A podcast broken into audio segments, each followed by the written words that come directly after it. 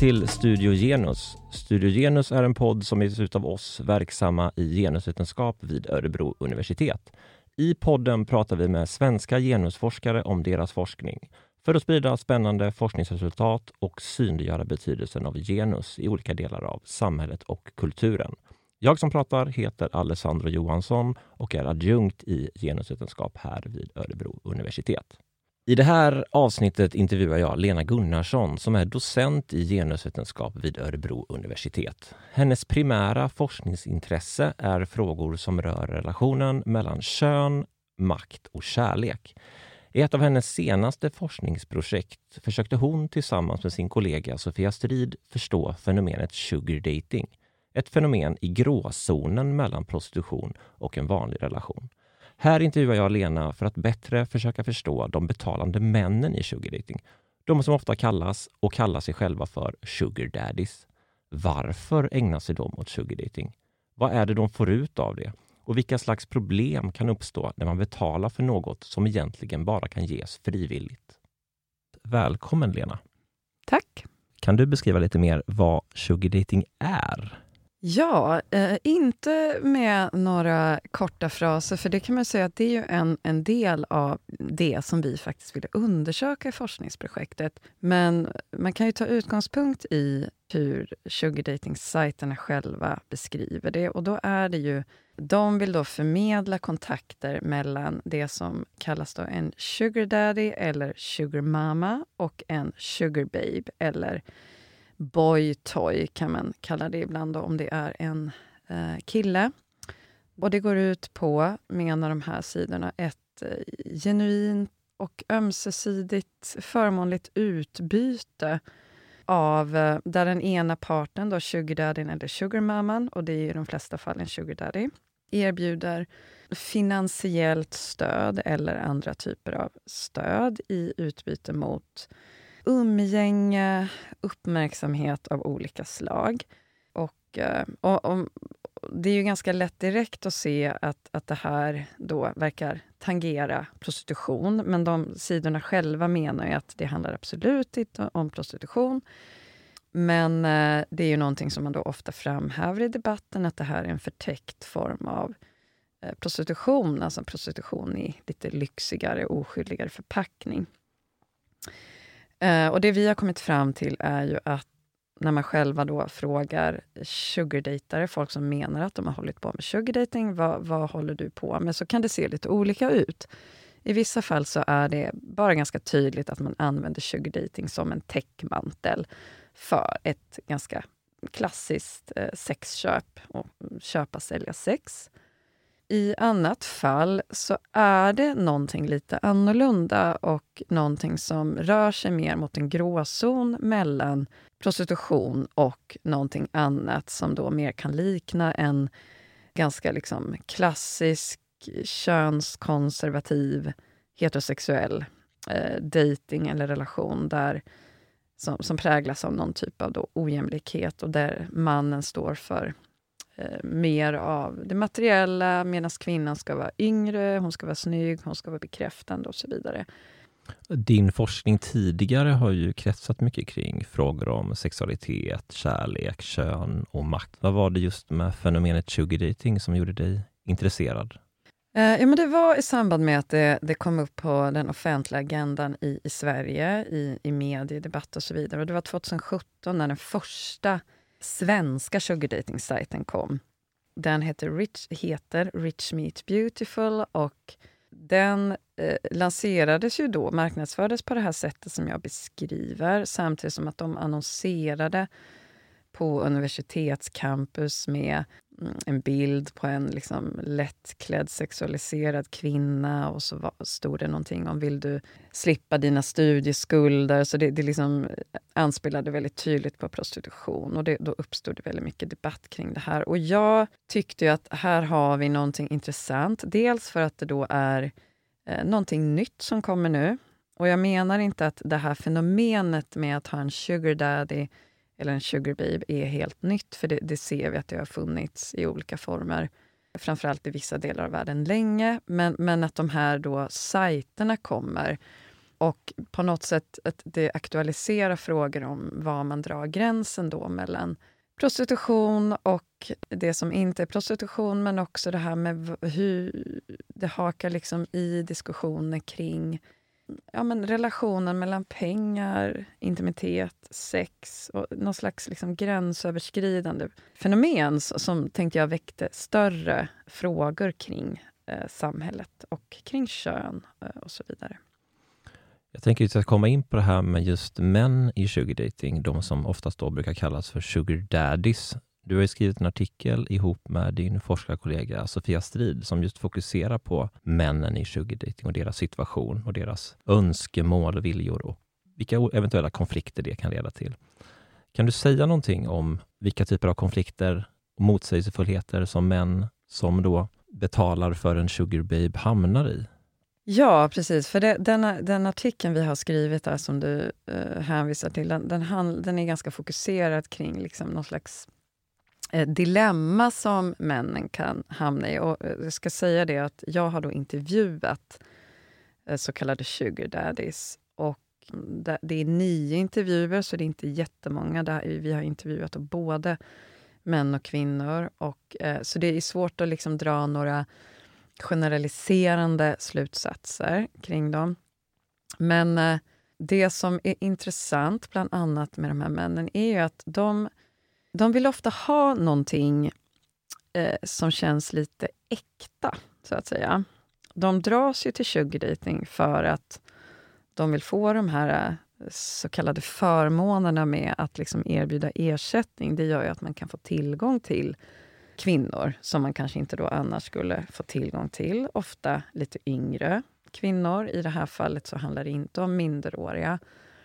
Eh, men det vet vi att det finns också. Men det är ingenting som de här männen har erfarenhet av. Men kanske 20 år yngre än de själva ofta.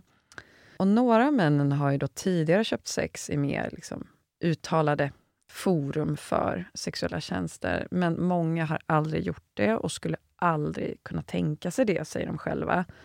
Så vi ser tydligt här att, att sugardating-sidorna blir en inkörsport till att hålla på med någon typ av sexhandel. Det är tydligt. Men det är intressant just att i stort sett alla de här männen jag intervjuade har ju en önskan efter... Det handlar verkligen inte bara om sex, utan de vill också få någon typ av eh, bekräftelse, ha någon typ av personlig relation med tjejerna. Och det är väldigt viktigt för dem att det inte är en liksom ren affärstransaktion som de då tänker att liksom vanlig, inom citationstecken, prostitution eh, handlar om mycket mer. De vill att tjejerna inte bara gör det för pengarnas skull. Och Det gäller både liksom själva det sexuella och gäller, gäller även relationen i, i, i dess helhet, så att säga? Alltså det, det är viktigt för dem. Eh, och Sen finns det väl lite olika liksom grad i alltså vilken mån de, de upplever att det faktiskt blir så som de önskar. Men för alla är det viktigt att tjejen, de vill att tjejen ska njuta av sexet. Och Det behöver inte betyda att, att de liksom tror att det är det bästa hon har varit med om. Och att hon, alltså, alltså, alltså, men men liksom lite grann, på någon nivå. Det ska inte vara bara för hans skull. Det är väldigt viktigt. Men sen också att de vill ha någon slags ömsesidighet bortom det sexuella. Och det här, där handlar det heller inte om att de tänker att de ska vara kära i varandra och att det skulle liksom vara som en riktig kärleksrelation. Det är inte det det handlar om. Men, men de, det är en slags bekräftelse som de vill ha, att de faktiskt är uppskattade och att tjejen på något sätt, på någon nivå tycker om dem och de vill ha någon typ av personlig interaktion. När jag tänker på prostitution så tänker jag oftast att den här ersättningen som går ut fungerar som ett sätt för mannen att ha kontroll över situationen och få ett övertag. Och det förekommer också en, en transaktion inom sugar men hur liksom förhåller sig männen till den här kontrollen om, om de också vill ha den här ömsesidigheten och liksom någon slags fri vilja hos, hos eh, sugarbabyn. Mm, mm. Jo, men det är ju det som blir det här lite trassliga och dilemmaaktiga för männen. För en, en vanlig relation som inte bygger på en ersättning, det är ju någonting som eh, För, för det jag ska säga, det är inte bara så att man söker sig till eh, de här arrangemangen för att man vill få tag på en ung och snygg tjej som man inte skulle kunna få annars, utan det är också någonting med de här transaktionsbaserade arrangemangen som också är lockande i sig. Oavsett vad det är för kvinna så blir det ju mindre kravfyllt än en relation som genuint bygger på ömsesidighet. Eh, alltså en, en flickvän eller en fru. Det här är ju heterosexuella män som vi pratar om. Och det finns ju ganska tydligt i materialet att man slipper de här jobbiga grejerna med att ha en flickvän. Alla krav, alla liksom downsides med det, så att säga. Så man tänker på något sätt att man, då kan man plocka liksom russinen ur kakan lite grann och få de trevliga sakerna med att ha en flickvän. Och det, det är ju en, det, som, det, det, är ju att de får eh, mer makt, mer kontroll. De, de liksom får de positiva sakerna. Men liksom betalningen gör ju då att man slipper en massa krav som kanske en kvinna då som inte får betalning ställer. Men som du kanske är inne på lite där, tror jag, så blir det också lite problematiskt för eftersom man vill ha, man vill att kvinnorna ska göra det, inte bara för pengarna. Varför är det viktigt?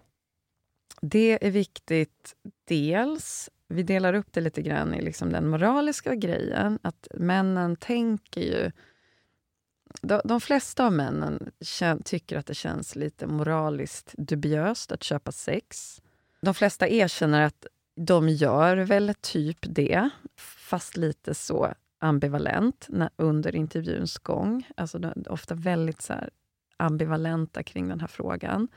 Men om de känner att tjejen inte bara gör det för pengarna så känns det mer okej okay för dem. Det känns liksom mer moraliskt okej. Okay. Men sen är det såklart minst lika stor utsträckning också det här att de får mer bekräftelse om de känner att tjejen faktiskt njuter på riktigt av det och inte bara gör det för pengarna. Eller att hon faktiskt tycker om, lite grann i alla fall, att umgås och kanske äta middag och prata och så. Det, de de är, har ganska stort behov av eh, att bli bekräftade. Ett begrepp som ni använder i studien som en slags utgångspunkt är begreppet derivatisering som eh, forskaren Anne Cahill ställer emot det vanliga inom feministisk forskning använda begreppet objektifiering. Och ni menar i studien att derivatisering är ett bra begrepp för att förstå vad som försiggår inom sugardating. Kan du nämna lite mer om det?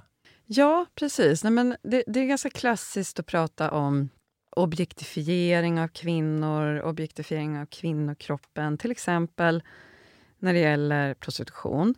Att, att då kvinnan blir till ett objekt för mannen i den meningen att han liksom bara kan använda sig av henne som ett ting. Och Anne Cahill myntade det här begreppet derivatisering, tänker vi att man säger på svenska då. för att nyansera lite, eller kvalificera lite. Nej, men det är egentligen inte ett objekt som mannen gör kvinnan till eller vill ens ha. Eh, generellt egentligen menar hon i liksom en patriarkal ordning, så att säga. Men, men det här blir väldigt tydligt i prostitution generellt, men kanske ännu mer då i sugardating där det är så viktigt för männen att kvinnan inte... Han, han vill inte uppleva att han har total kontroll över kvinnan. Han vill uppleva att hon bestämmer själv, hon gör det här för att hon vill, för sin egen skull. Hon är ett eget subjekt, så att säga. Men det här med derivatisering då, alltså derive på engelska, det kommer liksom från att, att hennes subjektivitet i interaktionen härrör liksom ur hans behov, skulle man kunna säga. Så att det, det liksom... Så det, de, de, får inte gå... Hennes eh, subjektivitet eller vilja, önskemål får inte gå stick i stäv med hans, utan de ska gärna, gärna liksom gå i linje med vad han vill att hon ska göra frivilligt. Ja, men så. exakt. exakt. Så ah, det blir väldigt eh, komplext där, liksom, mm. och ibland paradoxalt. För, och, och jag menar, och det, ja, det där är väldigt intressant, för att eh, nu går jag in lite på kvinnorna, för vi har ju också intervjuat kvinnor, och där ser vi en skillnad liksom, i att för en del kvinnor så är det här inget problem. De, de går gärna in i den grejen och upplever inte så mycket liksom, konflikter i det. Medan för de kvinnorna som, som absolut inte är liksom, intresserade av det så blir det ett ännu större krav än att man bara ska ha sex med någon. så att säga. Att man liksom, det, det blir liksom att hela ens person ska på något sätt forma sig så att det passar mannen. Och Det är intressant när männen pratar om... Eh, jag pratar i intervjun ganska mycket om det här. Ja, men tror du att tjejerna du träffar njuter av sexet? Tror att de gillar dig? Alltså det, det, jag ställer ju de frågorna uttryckligen. Och där håller de ju på att bråka ganska mycket liksom med det. För att de flesta tror ju det, men sen så kommer också en liten tvekan. Man kan ju aldrig vara riktigt säker, för hon vet ju att hela liksom det här att jag ger henne ersättning bygger på att jag ska vara nöjd. Och hon vet att jag vill att hon ska njuta. Så det ligger, då ligger det i hennes intresse av att eh, iscensätta att hon njuter, även om hon inte gör det. och, och, att vara trevlig och, och, bekräfta mig och så vidare. Så att det, det skapar liksom en, en liten sårbarhet hos dem där också, att, att de inte riktigt vet. Och den här äh, viljan att den andra personen ska vara ett fritt subjekt faller tillbaka på en, an, en annan diskussion som ni för i artikeln som handlar om väldigt fundamentala aspekter av vad kärlek är och vad kärlek måste vara för att det ska betyda någonting när man får den, så att säga. Du pratar bland annat om statsvetaren och genusvetaren äh, Jonas Dottir och även din egen tidigare forskning om liksom de fundamentala grundläggande villkoren för kärlek. Mm. Vad, kan du säga någonting om om det och på vilket sätt det hänger ihop med eh, de här männens upplevelser i sugar mm. Ja, precis. Och då, då, vill jag betona att kärlek då i bred bemärkelse, för att det, det, som det handlar om här är ju inte liksom kärlek så som vi ofta tänker, någon slags liksom romantisk kärlek eller så. Men den här grundläggande behovet vi människor har av att bli uppskattade och sedda och värderade så att säga som människor och som sexuella varelser. Och, och det som Anna Jonasdottir då till exempel eh, lyfter fram är ju att för att vi ska bli liksom bekräftade av så måste det komma frivilligt, så att säga. Och, och det, är på något, och det är det som är intressant här. Hur, hur, frivilligt är det för de här tjejerna när, när, de på något sätt, när det är villkorat av att han ger mig ersättning för att jag är med honom, så att säga. Männen i studien som du har intervjuat, hur, hur förhåller de sig till den här frågan om liksom eh, äkthet och frivillighet? Finns det olika sätt att liksom hantera det på, och tolka kvinnans beteende och sexualitet på som säger någonting om hur, huruvida de upplever det som ömsesidigt från kvinnans sida eller upplever de att kvinnan är liksom, kvinnan njuter eller är med på det av egen frivilliga? Mm. Just att jag tänker att eftersom att det är pengar som är inblandat här också, så blir det ytterligare en komponent som, som liksom alltid lurar i bakvattnet av, mm. som du är inne på, mm. att det är kanske inte riktigt på riktigt, men eh, mm. vad, finns det olika sätt att tänka kring det och förhålla sig till det? Ja, ja men en sak är väl viktig, så att det, det, är inte riktigt antingen eller, svart eller vitt. Antingen är, gör hon det bara för pengarna och typ tycker jag är en hemsk och eh, äcklig person. Eller så tycker hon att allting bara är underbart. Utan det blir mer någon slags så gradering. Alltså en, en av männen pratar till exempel om att, om jag minns det rätt, här, att, att ja, men hon valde i alla fall mig som sugar daddy framför någon annan sugar daddy. Trots att den andra kanske betalar lika mycket som jag. Eh, att, att det liksom finns en nivå av, eh, även om man aldrig skulle gjort det utanför sugardating-sammanhanget så, så, så, finns det liksom graderingar. Och han kunde också finna någon slags... Han upplevde liksom att den här äh, digitala interaktionen då innan man kanske träffades, innan man gjorde en deal, att det för honom också var någon slags... Alltså, som lite så flört flörtande, lite så här, ja, men nu, nu, ska jag få henne att välja mig som sugar daddy. Att redan där, ja, det var ju villkorat av ersättningen, men att han kanske då i alla fall, det var inte självklart att hon skulle välja honom ändå. Men, eh, ja, men de resonerar på lite olika sätt kring det där... Alltså det finns ju en man som, som hade liksom höga tankar om sin egen attraktionskraft och som var väldigt mycket sådär... Ja, jag betalar ju, men det är bara för att gå före i kön för det är så trassligt på vanliga dejtingsidor. Det är så mycket män som kvinnorna får mejl av så de hinner inte ens... Jag får inte ens möjlighet att komma fram i kön. Här kan jag betala för att gå före i kön. Men han var ganska övertygad om när, när de väl träffade honom så, så tyckte de om att ha sex med honom och vara med honom. Men så var det väl inte för så många andra. Men mer att de på något sätt kunde se att ja, men hon tycker nog inte det är fruktansvärt att vara med mig i alla fall. Och hon kanske njuter liksom i alla fall rent mekaniskt av sexet. Det tror jag nog hon gör. Liksom, alltså, så någon, någon relativ grej.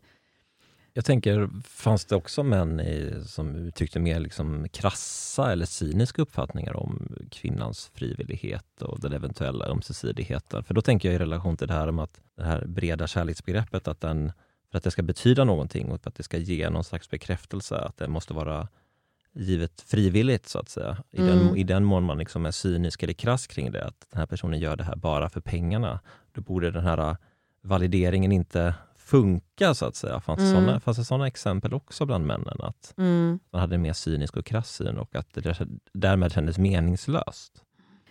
In, inte något där det kändes meningslöst kom fram, men det finns en mer krass syn. Absolut, ganska flera av intervjuerna, där det liksom ändå blir så här, ja, det här är ju lite hittepå. Vi skapar en bubbla och jag vet ju att egentligen, om jag inte hade betalat skulle hon inte göra det här med mig och jag vet inte, hon kan, det kanske inte är helt genuint det här, men där och då i den här bubblan så känns det bra. Vi refererar till en eh, prostitutionsforskare som heter Till Sanders eh, som är en av dem som har skrivit om det här med att man vill ha ömsesidighet, för det här är någonting som inte bara finns i sugardating, det finns eh, bland många sexköpare i mera uttalad eh, prostitution också. Att i, man kan liksom uppleva ibland att det är fejk, men det känns som att det är på riktigt och that's, det är tillräckligt. Och jag, det finns en väldigt intressant en, en man som då avviker lite. Han använder då sugardating-sidor, men han hade aldrig träffat eh, någon kvinna. Han hade, hade ingen sexuell liksom, relation, inte ens liksom, online med någon kvinna, utan han ville bara ha emotionell bekräftelse liksom, via chatta och sådär. Eh, det var det han behövde i sitt liv. Och han, han, var liksom in, han skulle inte kunna tänka sig att ja, köpa sex. Så. Men han pratar just om det här. Det, det här kanske bara är en liksom sån här AI-grej som, mm. som sprider ut de här kärleksfulla bekräftelsegrejerna jag får. Det skulle ju teoretiskt kunna vara det. Men det får ju ändå effekt. Liksom. Och jag, jag vet ju att hon gör ju det här. Han funderar ju också på, jo men hon, hon har säkert utvecklat någon typ av kanske positiv ändå relation till mig. Det växer väl fram, men, men han vet att hon gör det för pengarna, så att säga. Så jämförde han med att titta på film. Ja, men jag kan ju titta på en film och jag vet helt och hållet att det här är ju bara iscensatt. Men ändå kan jag sitta där och gråta, jag, jättestarka känslor som kommer. Jag tyckte det var en väldigt intressant parallell, liksom att det, det händer ju någonting emotionellt i en som man mår bra av, även om man vet att i grund och botten kanske det är fejk eller så är det nästan fejk. Så, så ibland mm. är, för vissa av dem är inte eller helt relevant faktiskt. Alltså det påminner även om såna här, det som inom datingvärlden och så där kallas för catfishing. Att man på internet eh, i kanske datingsammanhang till exempel utger sig för att vara någon annan än man är. När man mm. till exempel chattar med någon. Man beskriver sig själv som en annan person, man har andra bilder som inte ser ut som en själv och så vidare. Och, mm. och, och utger sig för att vara någon annan och och därmed få kontakt av andra personer och få bekräftelse av andra personer. Och den valideringen man får där liknar ju den. Det är också mm. grundat på en, någon form av lögn. Mm. Men den bekräftelse man får är trots allt betydelsefull för en, annars hade man inte fortsatt. Mm. Mm. Um, Ni skriver att sugardating kan ses som en del av en expanderad sexindustri och sexhandel. Och ni använder ett begrepp som ni kallar för flickvänsupplevelse i er artikel. Där ni nämner att sugardating kan vara liksom en förlängning av den här flickvänsupplevelsen. Kan du säga någonting om det här? Vad är flickvänsupplevelsen och på vilket mm. sätt är sugardating eventuellt en förlängning av det? Mm. Jo, men det här tycker jag är en ganska viktig sak. Eh, till, till att börja med vill jag säga att eh, all sugardating ser inte ut så här att det liksom är ja, man ska liksom ha en personlig relation och man ska dejta. Och att det, ska liksom, det finns också sugardating som bara är som en sexuell tjänst och man kanske bara träffas en gång. Och det, det är liksom bara samma gamla vanliga prostitution i någon slags, under någon slags täckmantel då, som känns lite mer trevlig. Men när det handlar om den här typen av sugardating-arrangemang där, där det, det, är viktigt då, kan vara både för tjejen och killen, eh, när det då, vi pratar ju här om heterosexuell sugardating, som är det vi har forskat om, så ehm, så ser vi hur sugardating hakar i en trend som redan finns. Att eh, sexköpare, män då framförallt, vill ha mer och mer någonting som inte bara handlar om sex och inte bara det här kroppsliga. De vill ha bekräftelse, de vill ha något mer autentiskt, något mer äkta. Och flickvänsupplevelsen är ju då en girlfriend experience på engelska, en sexuell tjänst man kan beställa mycket i eskortindustrin där man får en upplevelse av att det här är min flickvän. Man kysser varandra och smeker varandra och man pratar och det, det, är, liksom, det är verkligen inte den här avgränsade sexuella grejen. Och det är mycket liksom känslan av ömsesidighet och så. Där är ju det ofta ändå liksom ganska tydligt att det ändå är en tjänst. Så här. Och sen, det är den här tiden nu, tydliga gränser och då leker vi det här och låtsas det. Och sen kan det ju finnas genuin ömsesidighet och grejer också, om det är liksom något som pågår under lång tid. Det ska vi ändå säga, det, det kan finnas såna exempel. Men vi menar då att sugar baby-upplevelsen kan ses som eh, flickvänsupplevelsen tagen till en ny nivå. För här är det liksom mindre av det här affärstransaktionselementet. Även om då ersättningen finns där, så ofta kan det vara ganska tydlig, liksom att man får en tydlig betalning. Men då är det kanske mer, liksom, det är ändå lite luddigt, det är inte så tydligt avgränsat för en tjänst, utan det är mer man har någon typ av arrangemang, relation, där det ingår då någon slags ekonomiskt stöd. Men det är liksom lite luddigare, det är inte den här tydligt avgränsade tjänsten. Och sen i vissa arrangemang så är det ju inte ens så att man så att säga får betalt i liksom, regelrätt mening, utan mer att man ibland får lite gåvor, antingen pengar eller man köper någonting eller att sugarbabyn ber om någonting. Och det finns liksom implicit att det förväntas, men det är väldigt så oreglerat.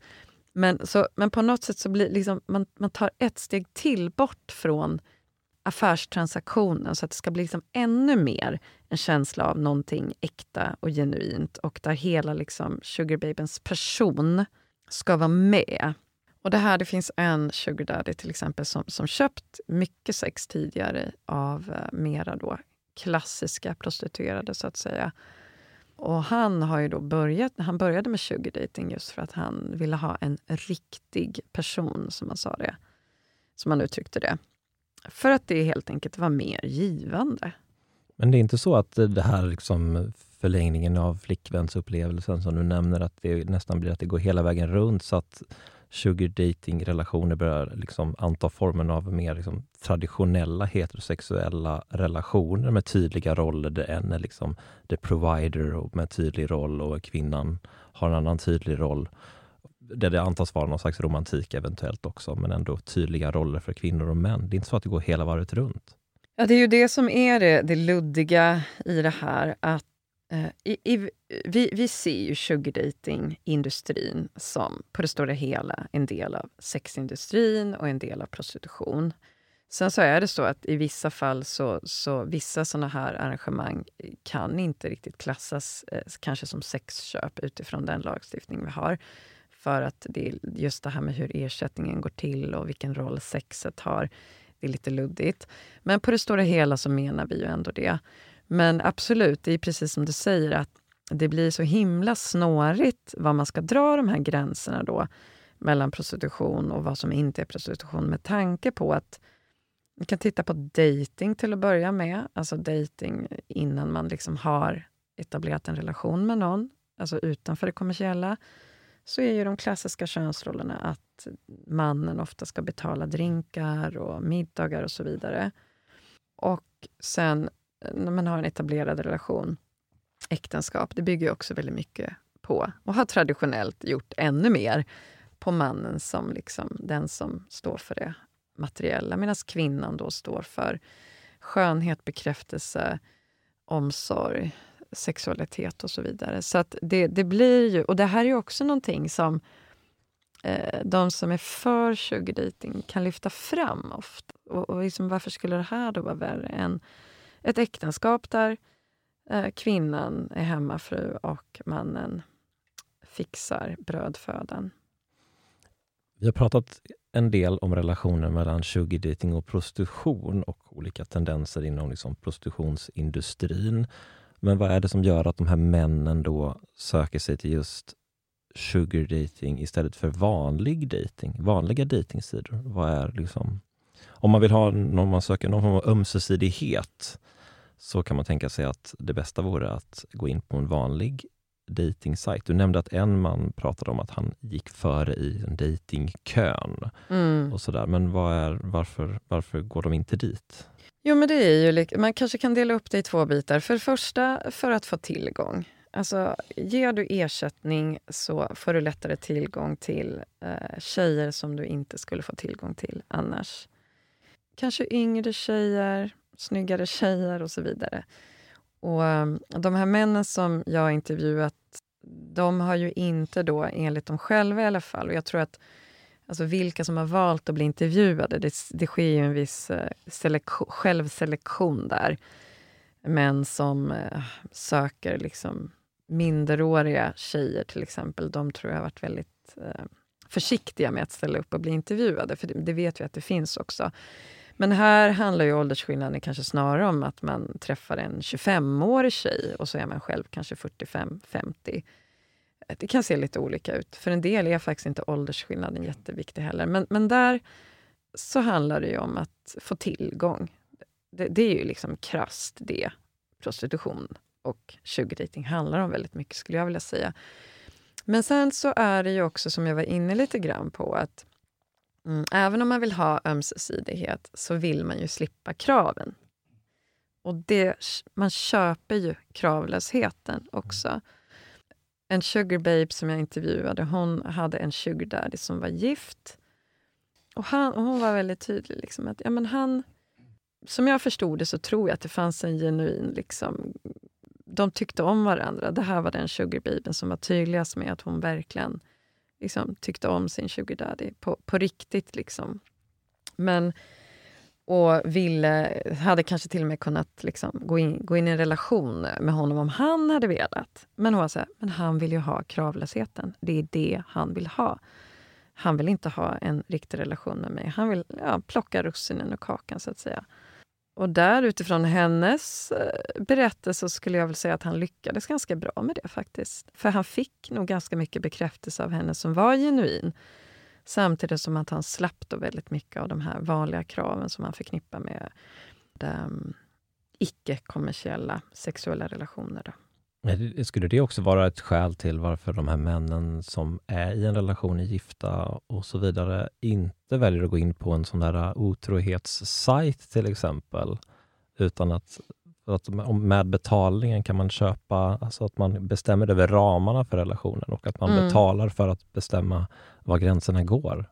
Mm. Ja, men det skulle jag säga. Mm. Alltså jag skulle säga det är kravlösheten. Mm. Eller, eller men det är klart, otrohet det finns väl ganska mycket kravlöshet kanske i, i sådana arrangemang också, men det är ju ändå... Betalningen gör ju att du kan förvänta dig vissa förmåner. Mm. Till exempel kravlöshet, om det är det du vill ha. så att säga. Om då männen har efterfrågar det här äh, ömsesidigheten och den här frivilligheten från kvinnornas sida. Hur förhåller sig då kvinnorna själva till det här äh, liksom, kravet som det kan bli då på att faktiskt vilja vara med den här mannen eller åtminstone ge sken av det? Ja, Precis, och det, det hade varit intressant om jag hade fått intervjua exakt de här kvinnorna då som männen hade träffat för att liksom checka av. Det hade varit väldigt intressant, men inte så lättgörligt. Men när det gäller de kvinnorna vi har intervjuat så um, finns det... Alltså det är viktigt att inte bara avfärda de här männens eh, idéer om ömsesidighet som bara ett självbedrägeri. Alltså, det kan vara det ibland, men det är inte alltid säkert att det är så. Och det vet vi ju eftersom några av eh, sugar babesen, alltså kvinnorna som vi intervjuat, de, de säger att de, de, tycker om att vara med de här männen. Eh, ungefär liksom på samma sätt som männen själva kan beskriva det. Absolut inte att de är kära i dem. Det finns kanske då något undantag då som jag pratade om. Men mer att ja, men han är trevlig och vi har intressanta diskussioner och han tar med mig på... Um, är, det, är det liksom då, precis som männen pratar om, när de säger att liksom, att kvinnor tänker med tanke på den här ramen som relationen har och vad man kan förvänta sig där inom så är ändå mannen okej okay och trevlig och så vidare. Är det så man ska se det? Ja, alltså kanske inte att det kommer fram jätte eh, uttalat i intervjuerna. Fast jag, det var väl någon kvinna som jag, jag verkligen försökte gräva djupare i det. Liksom så här, ja, men skulle du, ja, det var jätteintressant, för hon var en sån som verkligen uppskattade umgänget med männen och även sexet. Men ändå var det så här, ja, men skulle du liksom... Om du inte fick betalt, skulle du träffa dem då? då? Men det, då var det som henne som att Nej, nej, men alltså det är någonting helt annat. Det här är mm. liksom sugar dating. Ja, det var väldigt intressant. Det, det här är en helt annan ram. Liksom. Så det blir så att bedömningen eller tolkningen av det man är med om påverkas av att man befinner sig inom den ramen, inom den ramen man gör själva bedömningen av huruvida man tycker någon är trevlig, huruvida sexet är bra kanske och så vidare. Så ramen färgar den typen av bedömningar eller värderingar av Ja, det skulle jag säga att jag gör. Att man, att, att, och, och precis, då blir det liksom så att ja, ja, men det här var ju ändå en relativt snygg sugar daddy. Mm, mm. och då kanske det skapar en typ av nöjdhet, även om jag slapp i alla fall någon ful gubbe kanske. Även om man då inte skulle ha en relation med den personen utan betalt. Men jo, men som sagt, det finns då en grupp kvinnor som, som uppger att de får ut någonting av de här träffarna sexuellt och socialt och gör det inte bara för pengarna. så att säga. Men sen finns det också en grupp som absolut inte får det, utan gör det bara för pengarna och tycker verkligen inte att det här är något trevligt. Och den gruppen av kvinnor, de framförallt kan ju vara väldigt kritiska då till det här som de upple ofta upplever från den typiska sugardaddyn. att han vill att hon ska vilja för sin egen skull, så att säga. Och då är det lite så här, men kan du sluta ställa alla de här kraven? Det blir liksom ytterligare ett eh, krav som, som man i forskningen pratar om som en typ av känslomässigt arbete som personer som säljer sex, även utanför sugardating, kan då liksom eh, få behöva utföra just när det finns det här kravet nästan på ömsesidighet. Du, du måste vilja av din egen vilja. Sen finns det som sagt då kvinnor som vill av sin egen vilja och då blir det inte ett problem på samma sätt. Men Finns när... det någon skillnad där i, i som, vilka det är som, som gärna slipper det här äh, kravet på ömsesidighet och de som äh, gärna vill, själva vill att det ska vara ömsesidigt? Finns det någon skillnad där i, mellan de som tycker det är jobbigt att det blir för mycket krav från männens sida på ömsesidighet och de som själva söker den här ömsesidigheten? Ja, nej men det är väl ganska tydligt att de som, som liksom sugardejtar mer bara sälja sex, inte att man har någon liksom långvarig grej. Där, där är, finns det ju inte så mycket intresse av att det ska vara det här ömsesidiga och personliga. Medan om man är en sugarbabe som så att säga vill ingå i någonting lite mer långvarigt och stabilt, och man har någon typ av då finns det väl mer av ett sånt intresse. Men sen tror jag där också att man kan bedra sig lite som, som Sugar Babe. Det här liksom att det ska bli mer personligt kanske kan uppfattas då, framförallt om man vill känna att nej, jag vill inte hålla på med prostitution, jag säljer inte sex och då vill man liksom att det ska vara mer som en vanlig relation. Men, men samtidigt så finns det den här ersättningen och det finns maktskillnaden, så det, det kan ofta kanske bli, ibland, värre då, att man på något sätt, hela ens person ska in i den här eh, försäljningen av någonting. Men, och, och, att mannen ska få tillgång till hela ens person. Men, men sen så har eh, vi också intervjuat några stycken som då arbetar med att sälja sex i mer liksom uttalade forum. Ganska sådär liksom självidentifierade sexarbetare, ganska, inte så många, eh, tre stycken tror jag det var, som, som också lite grann sysslat med det här mer sugar dating, sälja dating och träffat sugar daddies. Och de var ju extremt kritiska till när det blir de här luddiga gränsdragningarna och att sugar daddiesarna är jättejobbiga för att de för en, en, del pratar ju om det då som att de vill liksom döva sitt dåliga samvete. De vill inte erkänna att de köper sex och då vill de liksom intala sig att jag tycker det är underbart att ha sex med dem så att de ska, liksom, ska känna sig bättre och då lägger de bara ännu mer. Jag måste liksom så ta hand om deras känslor också, inte bara finnas där sexuellt. Så det där är också väldigt intressant. Ibland framställs ju sugar dating som något annat än prostitution därför att det går utöver det rent sexuella. Det är mer en hel relation där liksom en större del av jaget är inbegripet och så vidare. Och det framställs ibland från sugardating-sidorna och så där som någonting positivt med sugardating. Mm. Men det du är inne på nu låter det här med att hela jaget är inbegripet i det här, att det snarare kan vara ett problem och liksom en Ja, men precis. Och egentligen har jag ju, vi har ju inte så mycket i vår egen data som, som styrker det. Och det är viktigt där liksom att, att de här intervjuerna med tjejerna som var positivt ställda, inställda och som liksom tyckte om det här, personliga relationen. Eh, det, vi vet ju liksom inte vad de säger om fem år. Eh, och det, det, är viktigt att ha i åtanke liksom, att vi har inte riktigt hela bilden av hur det påverkar dem. Men vi, jag har hört lite grann liksom från folk som arbetar med ja, inom socialtjänst och så, att eh, till exempel mm, alltså hört utanför min egen forskning från Sugar Babes, att just den här grejen att hela ens person, eller kanske inte hela ens person, men mer delar av ens person ska liksom in i den här transaktionen kan göra att det blir mer eh, skadligt, mer äckligt på något sätt. Liksom. Att, att det, ja, mindre gränser som, som har bevarats då. Det låter när jag lyssnar på det, det här som att det finns en tendens eller en risk inom sugar dating att liksom hela jaget blir till en slags vara.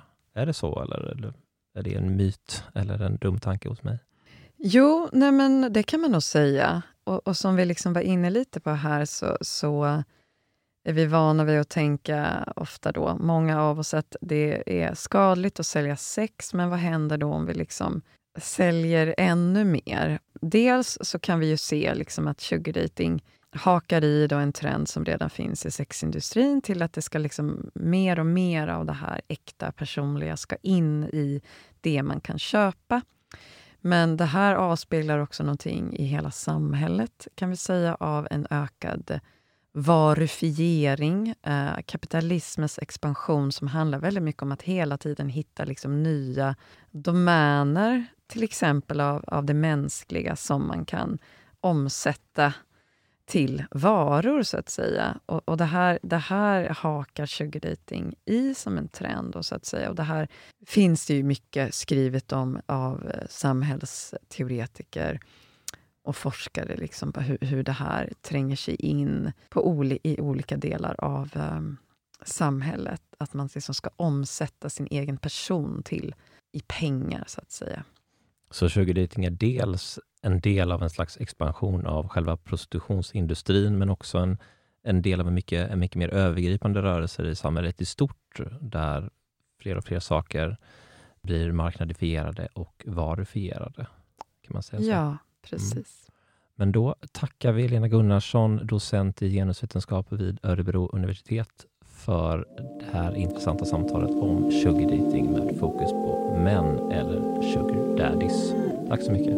Tack.